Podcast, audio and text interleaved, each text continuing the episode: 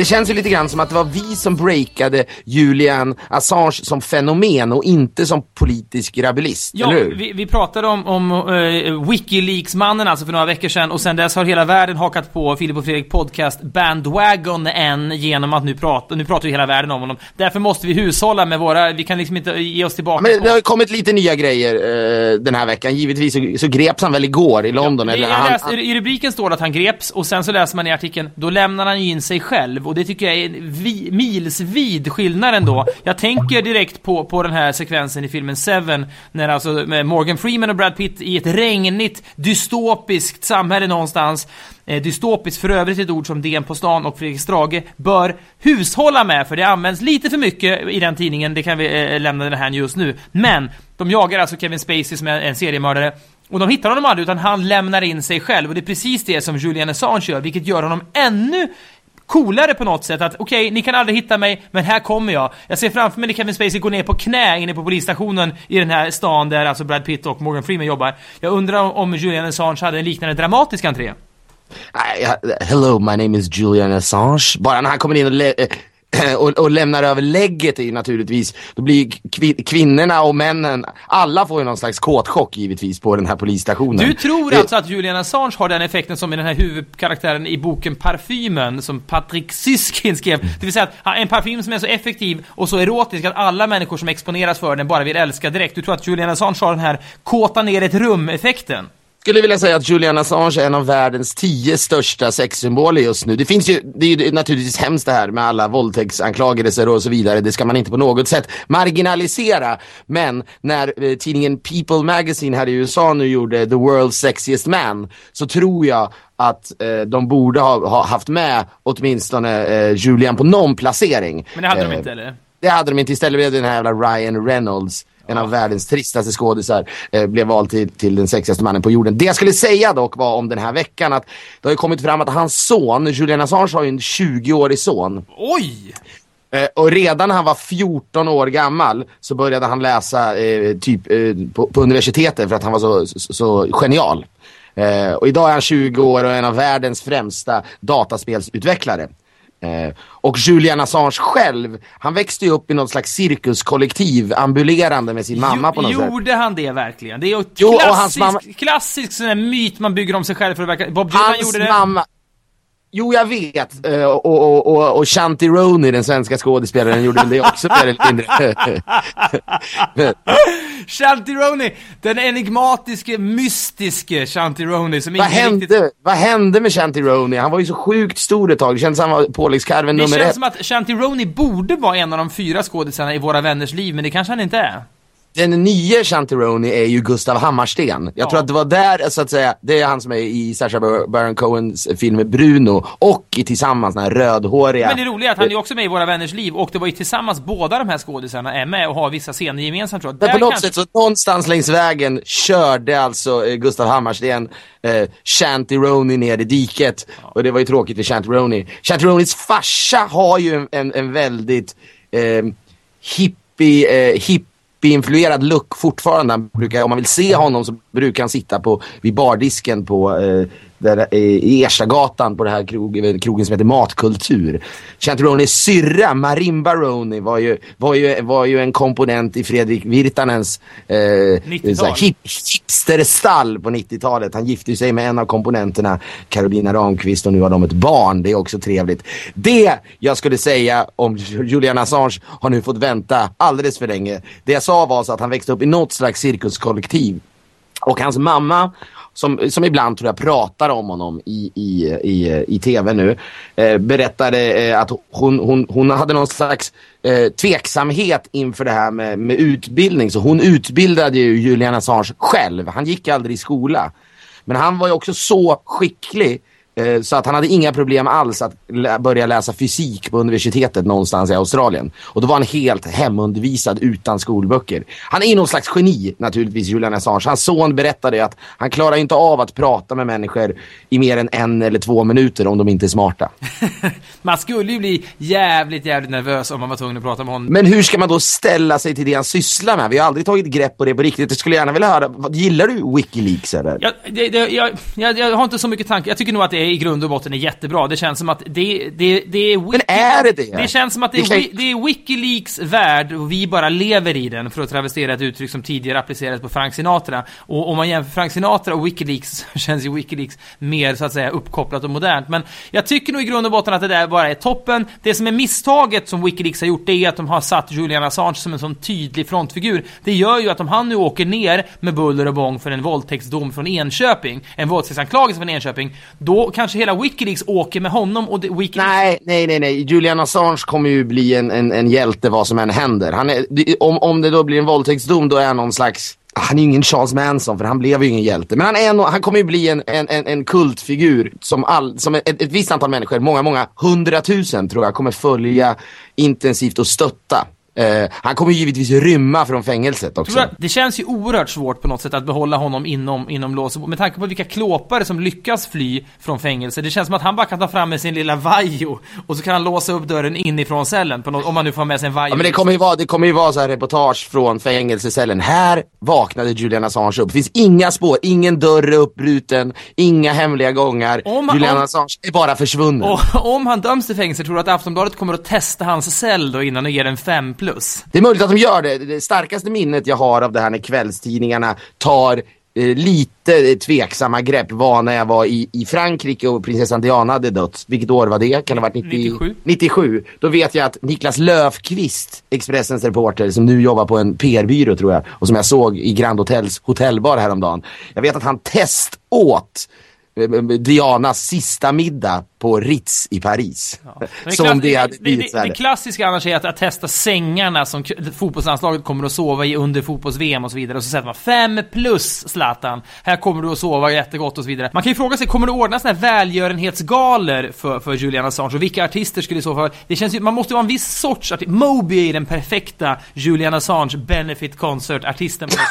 Han kommer ju headlina. Den sista som kommer dyka upp är ju, är ju eh, Ray LaMontagne, den amerikanska amerikanska eh, singer-songwritern som bor ute i skogen. Det måste ju vara väldigt urbana artister som ställer upp för Julian Assange. fast eh, eh, Ray LaMontagne, den där typen av väldigt så här, skäggiga singer-songwriters kan ju ha väldigt mycket hippieideal i sig, att information ska vara fri och så vidare. Så det ska jag faktiskt inte utesluta, att den där typen av artister... Men om vi, om vi tittar på Sverige, om, om, om, om, låt säga att det på Debaser Medis ska ordnas en, en lokal eh, stödkonsert för Julian Assange. Vilka svenskar dyker då upp? Ja, det för, första jag tänker på är givetvis Basshunter. Eh, som, som breakade på nätet mer eller mindre. Samtidigt så kan jag tänka mig att ett band som Teddy Bear Stockholm eh, skulle kunna inleda hela galan med sina de här eh, björnhuvudena. Ja. Eh, och så vidare. Sen så tror jag kanske man kan gå vidare. Lite äldre människor. Robban Broberg kanske dyker upp för att han har läst om det här. Han är lite, lite, lite bananas tror jag. Men vi kommer ju, får ju, kommer få anledning att ö, återvända till Julian Assange tror jag, många, många månader. Jag vill bara innan vi släpper honom idag eh, snabbt kommentera det här. Eh, det här Wikileaks-dokumentet om Reinfeldt när han skulle besöka eh, Barack Obama. Såg du det? Han beskrevs som en människa som mumlar om klimatet, var det inte något sånt? Ja, mumla vet jag inte, han, han besatt av klimatet eller vad det var det stod och så vidare och så vidare och så vidare. Och sen så eh, sa de att han, eh, han styrs av sin eh, fru på något sätt, eh, Filippa, att hon är väldigt inflytelserik. Sen stod det också att han är nästintill absolutist, eh, absolutist. Om han dricker så dricker han absolut ingen starksprit eller någonting. Och då tänkte jag ändå, det är ju ingenting dåligt med det här dokumentet. Det är bara en jävligt bra research från ambassaden i Stockholm. Jag förstår inte hur man kan göra en nyhet av det där. Det är väl jättebra om man ska träffa en människa att man vet att han inte dricker starksprit. Är det något konstigt i det? Och det är väl också rimligt att amerikanska ambassaden skickar, eh, skickar information till till USA om hur de tycker att han är som, som, som politiker också. Jag ser att nu känns det som allt Wikileaks gör och så fort Wikileaks nämner Sverige så, så ska det dras stora rubriker på det. Det tycker jag är lite fel. Jag tror att my- 99,9% av Wikileaks-materialet är ju helt ofarligt. Ja, och om vi ska vara ärliga, helt ointressant. Ja, det är det. Den enda, det enda som inte är ointressant är Julian Assange som, som fenomen. Och person som har förmågan att kåta ner ett helt rum. Som sagt, mer om Julian Assange i framtiden är jag helt övertygad om.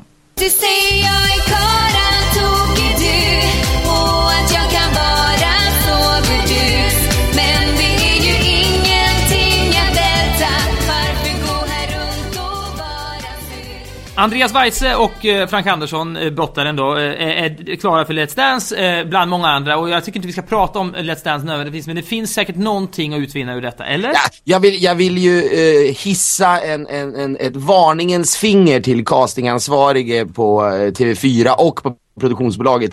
Vi har ju haft förmånen att jobba med Frank Andersson genom åren. Han är ju inte, han är inte hundraprocentigt pålitlig. Eh, så jag förstår inte hur man kan, man, eh, ka- kan ha med honom i programmet egentligen. Men om han dyker upp varje vecka är det fantastiskt kul. Jag tror dock inte de ska räkna med att han är med varje vecka. Andreas Weise tycker jag är fascinerande i det här. Jag har inte ens sett honom i Idol och jag vet ju att han är släkt med Arne. Är han Arne Weises son eller sonson? Det, det vet du, nu gör du dig själv mer... Nej! eh, Arne är ju 80 år gammal, det är inte självklart att det är hans son. Ja men han har ju varit med i tidningarna hela tiden. Jo, jag har här förstått kopplingen Det här är det- di- ditt sätt att Nej. lite fisförnämt Nej, distansera sig di- från det som är den svenska populärkulturen. Nej, det är verkligen inte det. Jag, det här är ingen koketterande. Jag vet bara att de är släkt, de heter samma sak. och De kan lika gärna, det kan lika gärna vara farfar som, som far. Men okej, då är det Arne Weises son. Alltså, han blev pappa Så är det. Arne, Arne. Weise, ja han hade bläck i pennan väldigt, väldigt länge Arne. Andreas Weise tycks, rykte, han har ju rykte om sig förut att ha en väldigt mjuk pung, vilket jag tycker är en trevlig komplimang. Var har du, var har du läst Det stod i senaste numret av Nöjesguiden. Eh, och det är ingen no disrespect, det är väl härligt för honom. Men, eh, han har också en aura kring sig av att, ja, här är jag, det kanske inte blir sång jag kommer att ägna mig åt i all framtid, men jag kommer att vara känd länge. Det, jag har, Anna Bok har ju den där hon hade ju egentligen bara en hit 1986 eller vad fan det ABC. Sen dess inte en jävla hit, och hon är precis lika känd idag som 1986, vilket är helt sjukt. Det är 25 år sedan. Men Arne, ja, men Arne Weise, eller Andreas Weise, är en person som när han får en förfrågan av Mikael Bindefelds företag om han vill designa en egen julgran. Ja. Det, då är en sån som glupskt tackar ja till det tror jag. Ja, precis. Och, men kan du se också på honom att han, är, han, han kommer också lyckas om jag, jag ser det på honom, han har det i sig. Han har det här, det här liksom märkliga, som är odefinierbara som gör att människor kommer att bry sig om honom i många år. Men också han har fått mycket gratis givetvis av att han, är, han fått en extra skjuts in i rampljuset tack vare pappa givetvis. Nu såg jag en rubrik här i veckan där det stod Jag tänker inte vara julvärd. Och jag vill inte vara den som är den men han lär ju inte stå on top of the list yet. Eller? Det hade ju varit väldigt, väldigt överraskande om han hade varit... Nu är det André Pops istället. Tankar på det förresten? Men, äh, ah, ja, André Pops, han, han, där har du en mä- människa som har, tving, som har nästan tvingats in i rampljuset och nu blivit folklig. Jag skulle vilja säga att André Pops är antitesen till Andreas Weise. Ja. Andreas, André Pops skulle kanske eh, designa en av Mikael Bindefelds julgranar. Men, men det skulle ta mycket längre tid att övertyga honom. Andreas Weise är en slags manlig Laila Bagge. Och kan man då tänka sig att hans lena pun, pung är hennes röv på något sätt? Som exponerades i Expressens webb-tv och blev en slags YouTube-sensation också om jag förstår saken rätt. Men har vi här ett slags index på vilken sorts kändis man är? Alltså, hur snabbt tackar du ja till att designa en julgran åt Mikael Bindefeld? 1 till 100. Om man är 100, det vill säga att man kräver jättemycket övertalning, där ute finns André Pops. Och så finns det ett där nere är Laila Bagge och, och Andreas Weise. Är det där du är och, och funderar? Jag tycker att det är en bra definition. Det finns ju också eh, Happy Socks, eh, det här företaget som, som gör eh, strumpor i olika färger som, som erbjöd mig bland annat då att vara en del av deras julkalender, lucka 22. Jag skulle bara skriva mitt namn under ett julrim och jag tackade nej. Andreas det har vi Weise om tidigare i, det här, i den här det podden. har vi gjort och Andreas Weise skulle ju givetvis tacka ja även till det. Men jag tror att Andreas Weise upplever ju en enorm vår. Jag vet inte om han har, har tjej och så vidare, men jag tror han får knulla sjukt mycket just nu. Jo, det tycker jag är väldigt rimligt också. Men hur gammal är Jag vet inte, är han 19-20 kanske? Han kanske är lite äldre. Men, men, men And- Andreas Weise har, det där namnet kommer generera honom tio roliga år. Men om jag får ge Andreas Weise ett råd så är det ju att han måste försöka göra något på riktigt också. Ja, men vad, vad fan, vad är det då på riktigt? Nu har han åkt ur Idol. Vad, vad, är, vad är hans nästa steg? Att designa en julgran för Mikael Bindefeld? Andreas Weise kommer naturligtvis stanna i rampljuset väldigt, väldigt länge tror jag. Han har redan åstadkommit precis vad som behövs för att få ett frikort till det som är det, det, det, den svenska kändissvängen. Han kommer i åratal få designa julgranar och, och testa tamagotchis i Aftonbladet och så vidare och så vidare. Men vi får ändå se hur det går för Andreas Weise. ja, det är, hur ska det gå för Andreas Weise? Vi Det se. kommer inte, jag är ledsen, det kommer inte komma någonting ur det där tror jag. Nej, men det, är inte Eh, heller, men det är, det är heller inte poängen med Andreas Weise. Om han nu blir den nya Anna Bok så att säga, då är ju musiken helt irrelevant. jag, tycker att Laila, jag tycker att Laila Bagge är en bättre referens. Att han är den nya Laila Bagge, eller att, att, att Laila Bagge är den nya Anna Bok? Nej, jag tror snarare att Andreas Weise är, är en manlig version av Laila Bagge. Det vill säga en snäll individ, men som är ganska ogenomtänkt när det kommer till strategiska karriärsval. Du tycker att Laila Bagge har misskött sig? Hon, hon har säkert ett jättebra liv tillsammans med Niklas Wahlgren, men kommer inte bli någonting mer för Laila Bagge heller när Idol väl slutar. Jag tycker att vi släpper Andreas Weise här, vi får nog anledning att återkomma till honom och istället Det är så, inte lika så, säkert att vi kommer att återkomma till Andreas Weise som det är att vi kommer att återkomma till Julian Assange, vi är bara klara. Men visst, Inte riktigt, men låt oss kasta lite ljus på Laila Bagge istället. Hon är intervjuad i Expressens Leva och bo-bilaga. Jag skulle helst av allt eh, vilja läsa eh, kanske hela artikeln och så får vår eminente klippare eh, Sigge Eklund eh, ta, ta vad han vill ur den. Men det är då eh, eh, en, en artikel som handlar om hennes livssituation just nu. Rubriken är Laila Bagge, nu bor jag i flyttkartonger. Laila Bagge Wahlgren ska precis flytta in i ett hus som hon själv har ritat. Trädgården ska skyddas från nyfikna blickar med täta buskar eller en mur. Trots att hon egentligen hade föredragit en blommande körsbärsträdgård. Är inte det sjukt? Redan där. hon bygger upp sig själv som en slags, som en slags, eh, vad heter det, mystisk Howard Hughes-figur. Ja, det är dålig coachning redan där. Hon ska inte säga det där. Nej. Och då är det, det är en, en slags segmenterad intervju där hon eh, delar upp sitt liv i olika, eh, i, i olika stycken då kan man säga. Rubriken sen är just nu kolon. Och då säger hon, har jag många bollar i luften? Allt från smycken till idol. Och man vet att det är på väg att gå åt helvete för en, en kändis när de börjar designa smycken, eller hur? Nej, det, det tycker jag att du är väldigt svepande. Jag tycker att Eva Attling har ju faktiskt gjort det i fan 15 år nu. Och det, jag vet att det är klassiskt när man tänker på Eva Attling när man tänker på smycken. Men vad fan, hon är ju något helt annat. Hon släppte ju allt annat och blev smyckesdesigner. Ja, du menar att problemet blir när man börjar göra det med, när man börjar phone it in, som det heter på engelska. men det vill säga att man använder, det- det, gör det med vänsterhanden. Ja, Laila Bagges smycken är ju Laila Bagges eget Undici. Det vill säga den här krogen som Thomas Ja, Brolin men en, vack, start- en vacker dag så satt det en människa bredvid George Foreman som fick ett erbjudande och sa Kan du släppa en grill George Foreman? Och så säger George Foreman kanske, och så sitter det någon som du och säger Nej, nej, nej, det blir ditt Undici och nu har jag dragit in 300 miljoner på det eller någonting.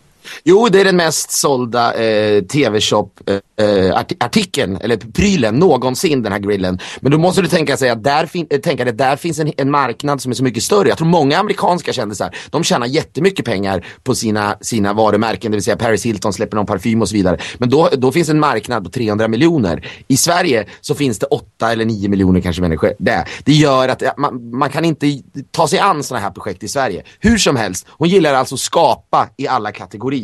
Och nu kommer nästa stycke. Inredning är är en hobby. Innan vi byggde vårt eget hus kunde jag lätt packa bilen full med mat en söndag och åka runt och titta på hus.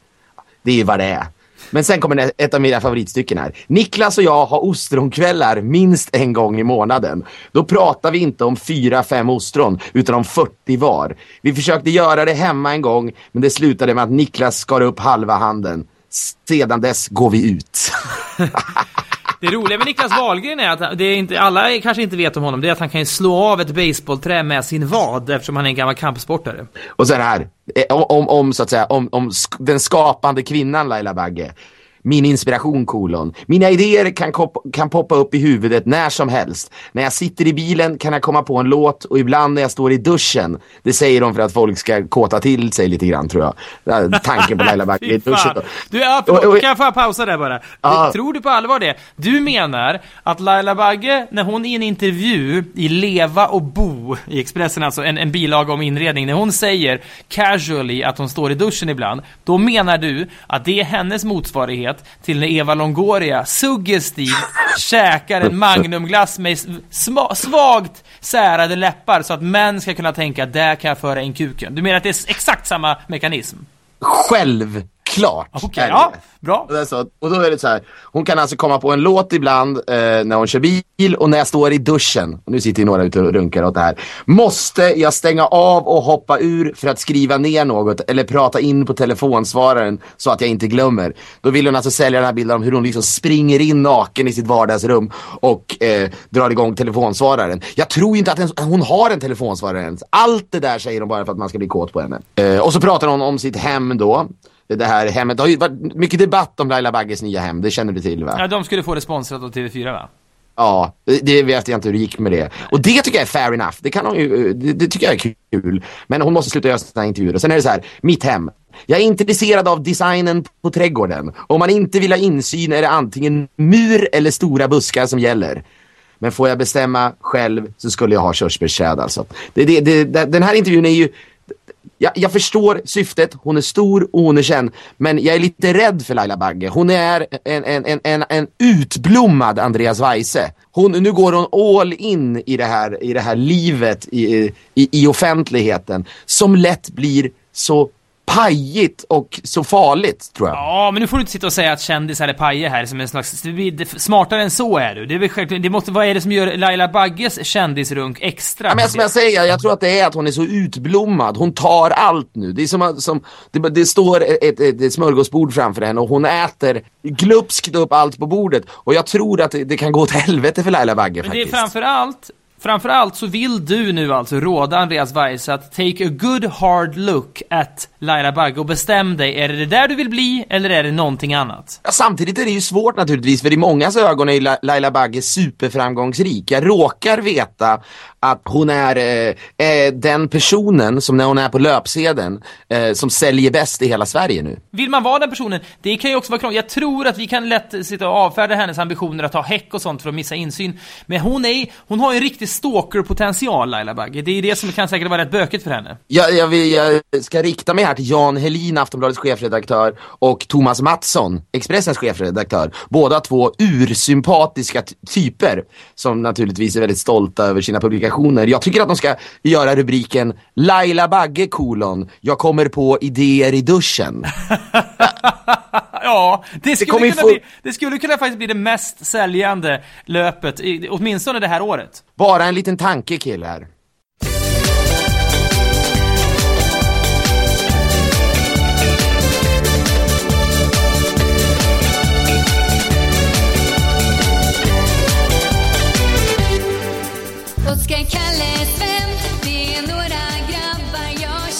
Eh, Pernilla Wahlgren och Charlotte Perrelli har nu anmält eh, för att de i sina respektive bloggar. Vi har, hamnat i, vi har hamnat någonstans idag. Det är Andreas eh, Weise och Anna Bok och Frank Andersson och Laila Bagge. Men visst, Ja, nu är det alltså nej. dags för Pernilla Wahlgren och Charlotte Perrelli. Ja, Gå vidare. Frank Andersson nämnde vi för fan bara knappt, men hur som helst, de har nu i sina respektive bloggar skrivit hyllande, på ett onyanserat sätt möjligen, om en margarinprodukt och därför har de nu blivit anmälda för att de förmodligen är köpta av, av margarinindustrin. Det är lustigt för Men, att... men jag förstår inte, vad då finns det någon slags regler för vad man får skriva på sina bloggar eller? Jag tror det, om man, om man hör till, du vet, de, de bloggar väl för tidningar, de har väl tidningars hemsida, de är via någon Bonnier-tidning eller något. Jag tror att det är det som hänger ihop på något sätt. Jag vet ju att i USA så är det här väldigt öppet. Kim Kardashian, den på många sätt förfärliga kändisfenomenkvinnan, eh, får väl 50 000 dollar om hon i en tweet nämner en produkt. Oh, I'm gonna have some Grey Goose vodka. Då får de 50 000 dollar. Pang! Det, det här låter, det låter ju helt sinnessjukt, men jag, jag, jag vill bara säga till våra eh, lyssnare att det här alltså stämmer. Vi träffade ju människan som är Kim Kardashians agent, där han berättar det här. Och det är ju, det är, det är ju som att man blir snurrig när man tänker på det. Andreas Weise skulle kunna få, i och för sig Andreas Weise kan snart få 500 spänn per tweet. Om han, om han skulle säga så här, åh min pung är så len idag, vad tur att jag rakar mig med Gillette. Då skulle han kunna få 500 kronor av Gillette, kanske. Eh, Ja, det, det tror jag absolut. Och det sägs ju att Maria Montazami får 90 000 i veckan för att blogga på Amelia. Ja, Eh, här står så- nyhetsskopen som spöna i backen. Men frågan är ju då givetvis om Pernilla Wahlgren och Charlotte Perrelli, vad de då får från den här marga- margarinindustrin. Det kan vi ju bara spekulera i. Det är ju roligt att, att, att margarin eh, är tillbaka i rampljuset. Eh, det var ju en av 90-talets stora snackisar när Mikael Bindefeld AB, eh, PR-företaget, Som eh, också ibland ägnar sig åt att övertala kändisar med varierande framgång till att designa julgranar. Ja, de skickade ut massa lätt och lagom oliv till, eh, till tidningsredaktioner och hoppades att man då skulle skriva om det. Jag minns att vi jobbade på café och, eh, och chefredaktören Rickard Lind som han hette hade ju väldigt svårt att hitta vinklar på att få in Lätt och lagom och liv i tidningen. Jag tror att Micke Bindefeld själv rasande ringde till Rickard Lind och sa Du har ju för fan fått gå på hur många premiärer som helst, nu får ni fan skriva om Lätt och lagom och liv. Jag vet inte fan vad som hände Men det har ju blivit lättare nu eftersom figurer som Pernilla Wahlgren och Charlotte Perrelli är ju mycket mer lättövertygade än Rickard Lind. Jag tror de tar inte kanske exakt samma publicistiska hänsynstagande till här, tradition och god publicistisk sed när de, För jag tror att i princip så tror jag liksom Charlotte Perrelli eller Pernilla Wahlgren skrev någonting på sin blogg i stil med att Oj oj oj vad trevligt det är med margarin, det har jag aldrig tänkt på. Hurra! Det var väl på Man, man, har svårt, man har svårt att se framför sig att Pernilla Wahlgren slår sig ner och har en kopp te i handen och säger Ja, vad är det nu den publicistiska tra- traditionen stipulerar?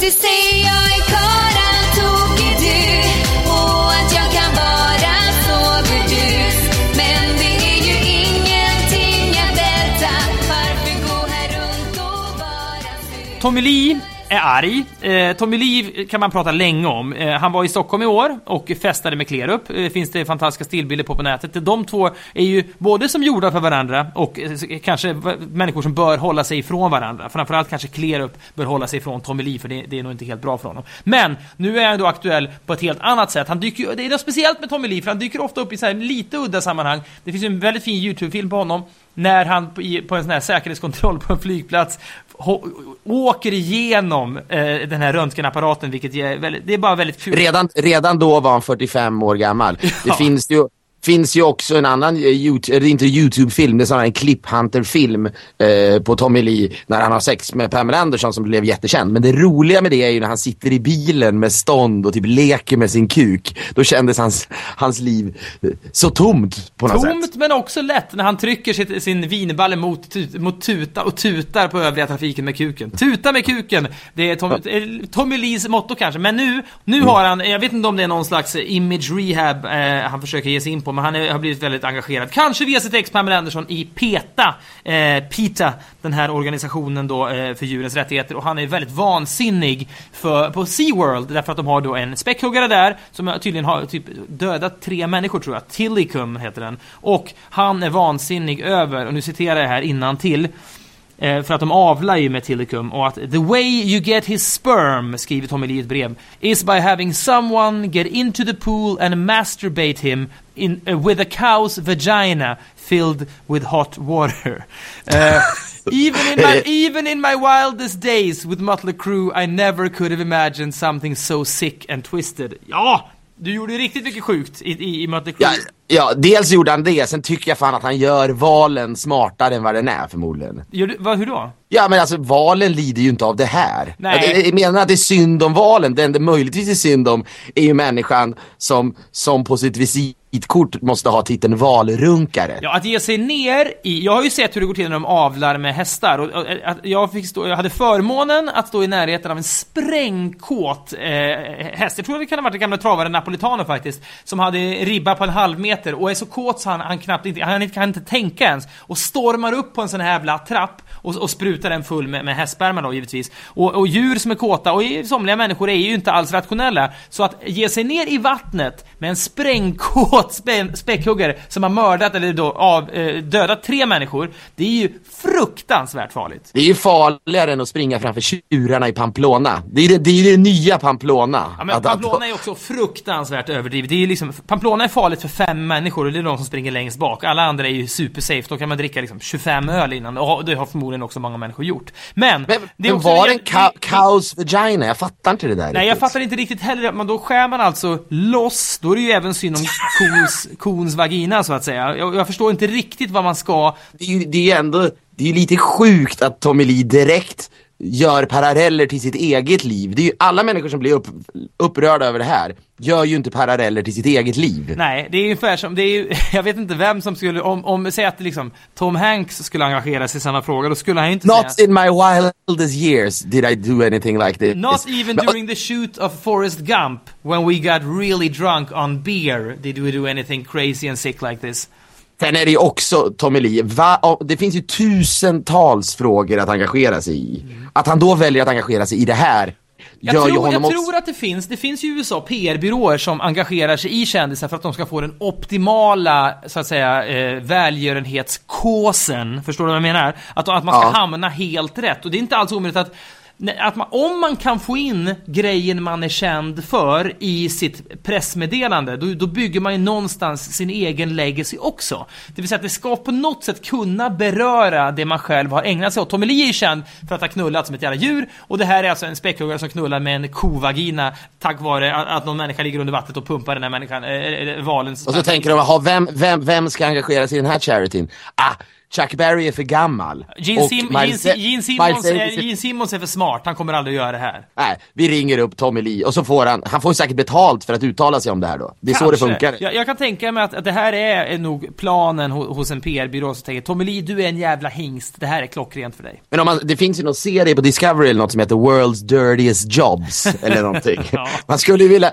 jag skulle vilja se en lång, lång intervju med eh, mannen, som jag antar att det är, som åker ner med den här eh, kovaginan fylld med, eh, med varmt vatten och runkar av valen. Jag förstår heller inte, alltså om man nu fyller en kovagina med varmt vatten, ja, hur mycket vatten, ja det får väl plats en del vatten i en kovagina kan jag föreställa mig, men det skulle också kunna rinna ut nere i vattnet. Det är inte så att man kan hålla vaginan uppåt och så kommer liksom späckhuggaren där i 14 knop med, med sprängstånd eller hur det nu går till. Det, det, allt känns o... Att det är ett annat djur också. Det, det är ungefär som att liksom, när man skulle då avla med en travhäst, att man skulle ha en, en, liksom en, en upplåsbar kvi, barbara alltså en människo. Jag förstår att de inte har en kvinnlig späckhuggarvagina eller attrapp eller någonting. Men när Napolitano var sådär smällkåt som du snackar om, har han en, så att säga, en runkbild i huvudet då, Napolitano? Ja, Eller är det ja. bara instinkt? Alltså, attrapp- attrapp- tänker han, så han tänker Napolitano på Laila Bagge, så att säga?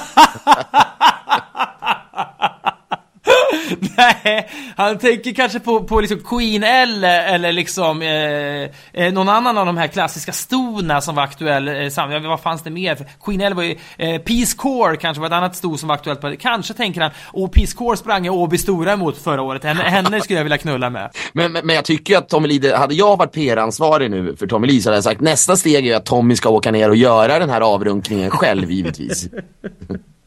Med alla sina tatu tatueringar och sina piercings. Det är ingen sådär. dålig reality-serie. Tommy Lee goes to SeaWorld och står Man, I'm going down in the water. Meet, Det, det är meet sån här- Tillicum, my new friend. Och så är den där galna späckhuggaren i bakgrunden.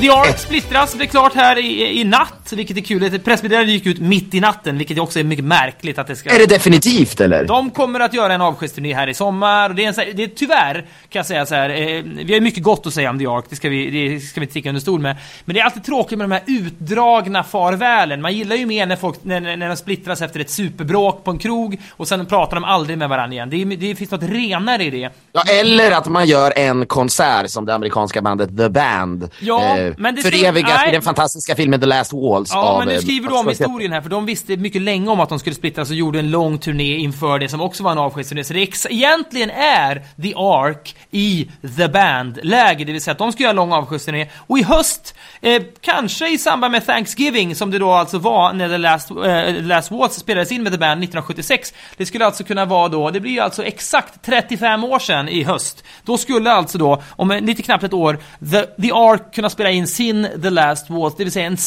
superspelning där alla vänner från förr och nu kommer och stöttar dem och gör en sån här magnifik slutspelning som sen går upp på bio. Det skulle kunna Det- vara någonting.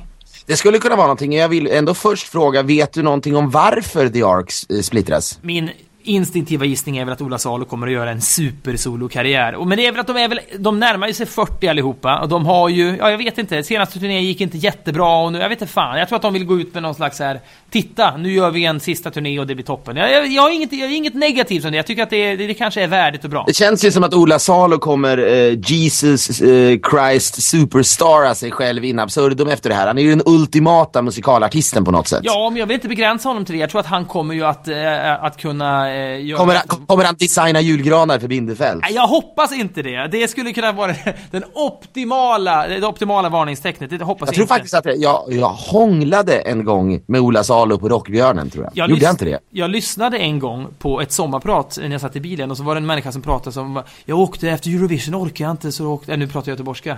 Men jag Ja. vet inte hur han pratar men Testa igen, testa igen, testa igen. Småländska. efter Eurovision, vi... vänta, En gång till. Efter Eurovision eh, visste jag inte vad jag skulle göra. Så eh, Nej, det blir göteborgska direkt, inte jag vara är hopplös. Men efter Eurovision visste människan... Efter, nej, tyst nu. Efter Eurovision så... efter, efter Eurovision-festivalen så visste inte jag vad jag skulle göra. Så är det, göra. Ja. Då, åkte jag till, då åkte jag till Indien. Ja, ja där, ja, du, där tog jag och min fru in på ett sånt här yogatempel. Ja. Och du på precis yogatemplet- som, du tänk, du, det är är att du tänker inte på Ola Salo när du gör, du tänker på Peter Gide. För det är faktiskt honom du imiterar mer. Och där på yogatemplet så drack jag och min fru te.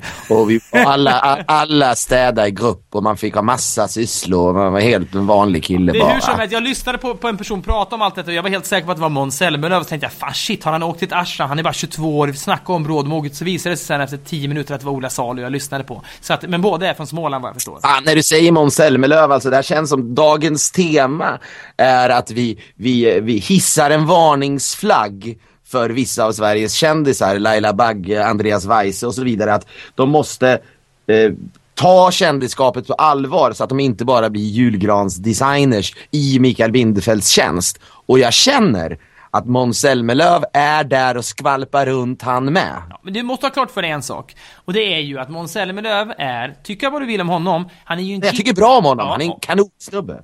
Vad vet du om det? Ja, men han är bra snubbe. Ja. Snubbe hit och snubbe dit. Han är åtminstone gigantiskt mycket större än vad Andreas Weiss och Laila Bagge är. Det, han har ju ändå släppt kanske sju skivor. Nu är han aktuell med någon julskiva där han ligger lite slött tillbakalutad med en uppknäppt fluga som ska signalera ja, jag har showat, men nu sitter jag här och tar det lite lugnt och nu släpper jag en skiva där 10 kronor per ex går till välgörenhet. Den står Jag- jag- bekvämt jag håller- placerad vid kassan på ICA.